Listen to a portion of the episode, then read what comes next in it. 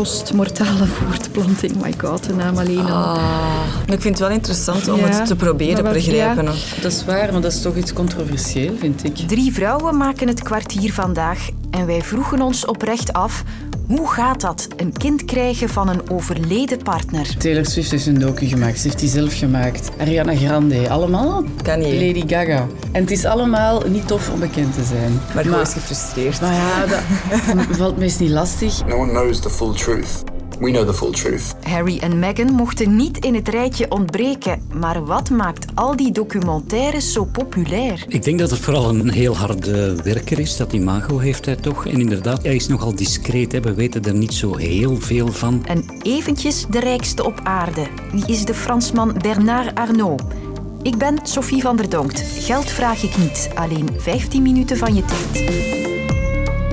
Welkom. Vanmorgen werd ik met dit bericht wakker. Vrouwen die een kind willen van hun overleden partner zullen meer tijd krijgen om een vruchtbaarheidsbehandeling op te starten. Dat stelt federaal minister van Volksgezondheid Frank van den Broeke voor. Een baby krijgen van een overleden partner. Of de medische term postmortem fertilisatie. Wist jij dat zoiets gebeurde in België? Het kan hier blijkbaar onder voorwaarden. Eén daarvan, de behandeling moet binnen de twee jaar na het overlijden van de partner gebeuren. En het is die termijn die minister Van den Broeke dus wil optrekken. En dat komt grotendeels door Laura Verhulst, ook bekend als de sertenmaker Madame Baxter.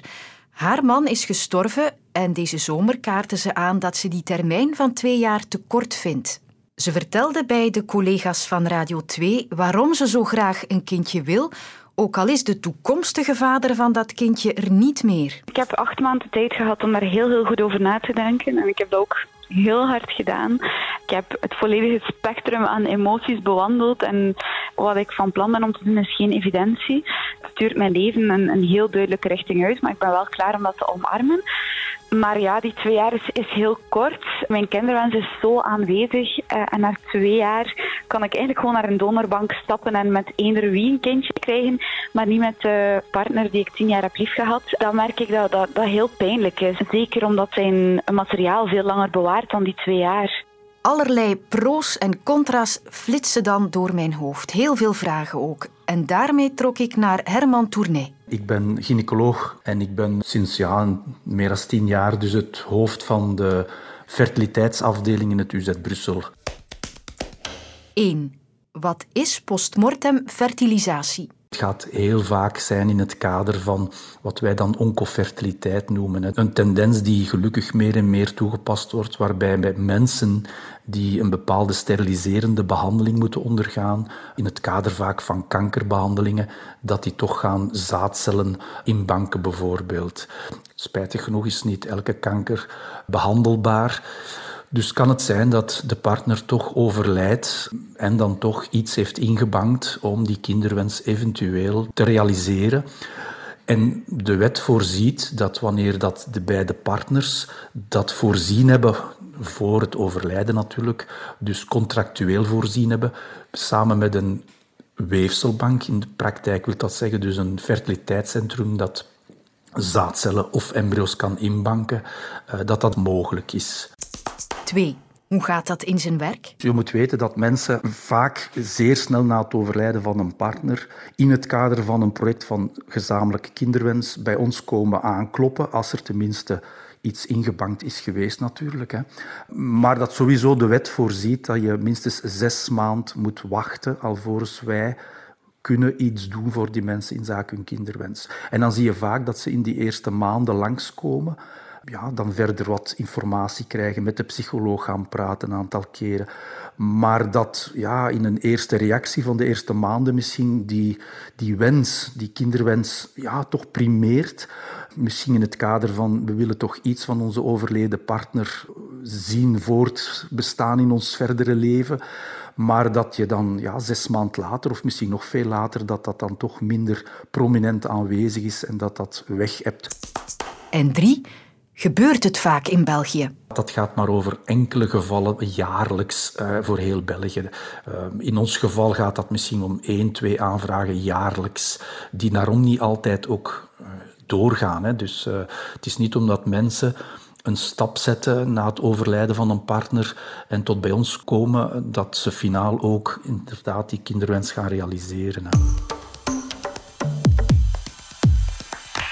Ik laat er mijn slaap niet voor en jij misschien ook niet, maar we worden vandaag wel om de oren geslagen met de lang verwachte documentaire over Harry en Meghan op Netflix.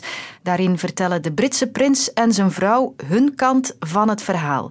De eerste drie delen zijn op ons losgelaten vanmorgen en Radio 2-collega Catherine van Doorne en Koningshuiskenner Jode Poorter hebben al gekeken. Je ziet natuurlijk tussen de lijnen door de trucken van de voor, zoals ze dat dan noemen. Hè. De, de emotie speelt heel hard, want denk dat we vijf minuten ver zijn en Meghan is al in tranen. Ik denk dat, dat het moeilijk is om te begrijpen dat ze zo naïef geweest zijn en dat ze daar in die situatie alle twee gestapt zijn zonder zich rekenschap te geven van het feit dat de familie bepaalde regels heeft of dat de Windsors witte conservatieve mensen zijn.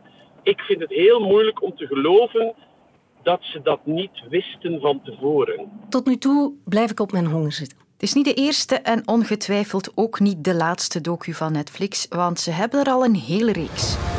Tony is always competing against Tony. You first get on the stage and She's becoming a royal rockstar. I want to be known as one of the greats. And then Everything changed. En nu dus ook Harry en Meghan. Wat zit daarachter? Ik ga te raden bij cultuurjournalist Nick Deleu van De Standaard. Waarom het aanslaat bij de, bij de mensen thuis, bij de, bij de kijkers ervan.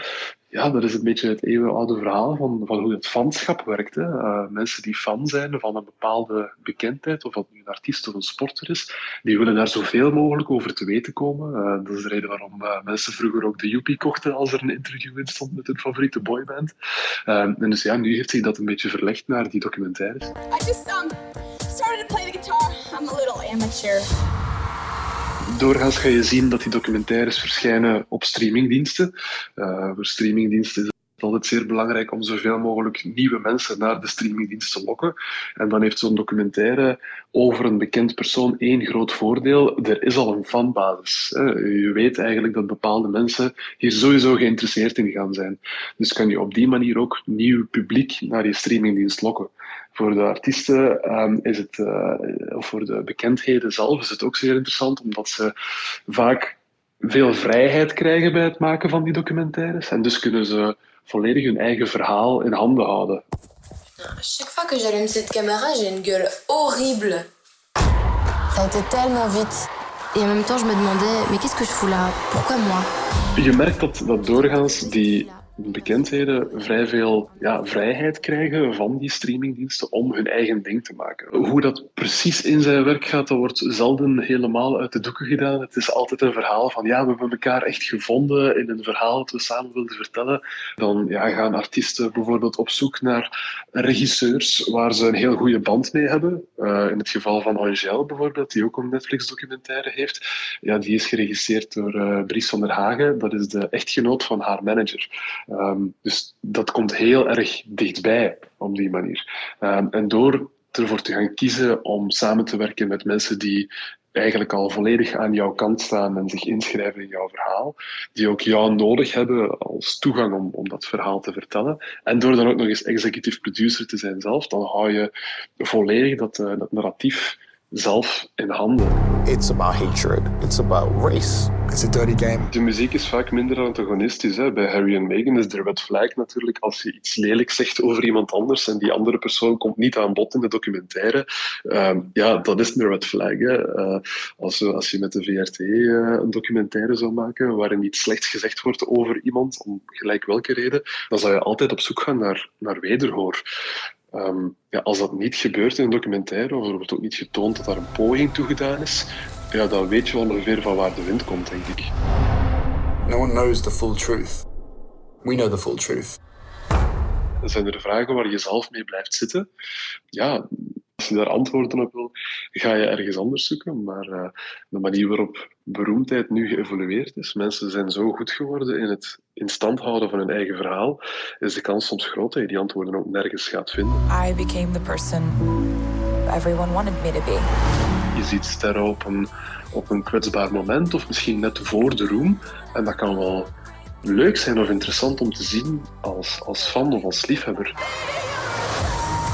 En op die manier kunnen zelfs die promodocumentaires wel nog altijd interessant zijn. Je moet ze een beetje nemen voor, voor wat ze maar zijn. If you have a dream, you gotta go on a journey to fulfill that dream.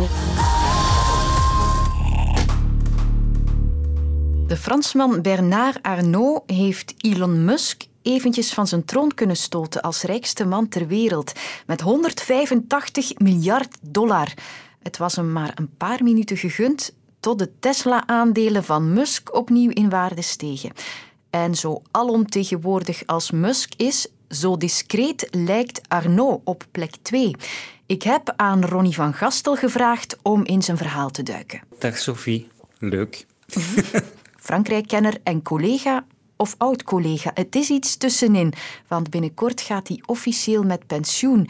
En nu is hij al wat aan het oefenen. Bij Ronnie is dat... Vooral links en rechts gaan eten. Er zijn zo wat mensen die zeggen van... Uh, ga eens met ons eten. Dat was vandaag ook het geval, maar hij wilde toch graag nog iets vertellen over Bernard Arnault. Zelf de pensioenleeftijd al even voorbij, 73 jaar, maar nog altijd geruisloos in de rij met Jeff Bezos of Elon Musk. Hij is geboren in Roubaix en als je Roubaix zegt, ja, dan denk je misschien arbeiderswijken en arme mensen, maar dat was helemaal niet het geval. Hij was de zoon van een uh, industrieel, een man met een bouwbedrijf, maar die al heel snel zei van pa, verkoop dat bedrijf, we gaan ons uh, op andere activiteiten richten. En hij heeft inderdaad een deel van het geld van zijn vader gekregen. Um, en hij heeft dat geïnvesteerd in eerste instantie in uh, het luxe merk Christian Dior. Miss Dior, the new eau de parfum, Dior. En van het een is het ander gekomen, dus... Het is zeker niet zo dat hij uh, heel zijn fortuin heeft geërfd. Hij heeft het echt wel zelf allemaal uit de grond gestampt. My journey, my perfume. Hij is dus de grootste aandeelhouder van uh, het luxe concern LVMH.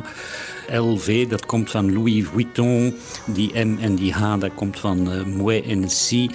Uh, dus champagne, luxe merken, drank, allerlei, allerlei drank. Hè. Ook bijvoorbeeld uh, de topwijnen Cheval Blanc of Château d'Yquem, top champagnes, zit allemaal in zijn imperium. Maar ook heel veel kleding, Dior, juwelen, Bulgari.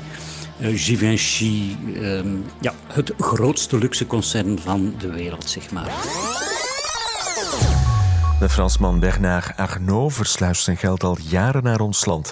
Dat schrijft de Franse krant Libération. Het dagblad heeft uitgezocht dat ondernemer Bernard Arnault al sinds 2005 bezig is zijn financiële belangen over te brengen naar België. Afgelopen jaar werd bekend dat Arnault de Belgische nationaliteit had aangevraagd. En hij wilde Belg worden. Hè. Hij heeft ook een tijdje gewoond of geleefd in Ukkel omdat uh, François Hollande, die president geworden is in 2012 in Frankrijk, een uh, rijke tax had ingevoerd. En hij wilde natuurlijk niet dat zijn geld naar de belastingen verdween.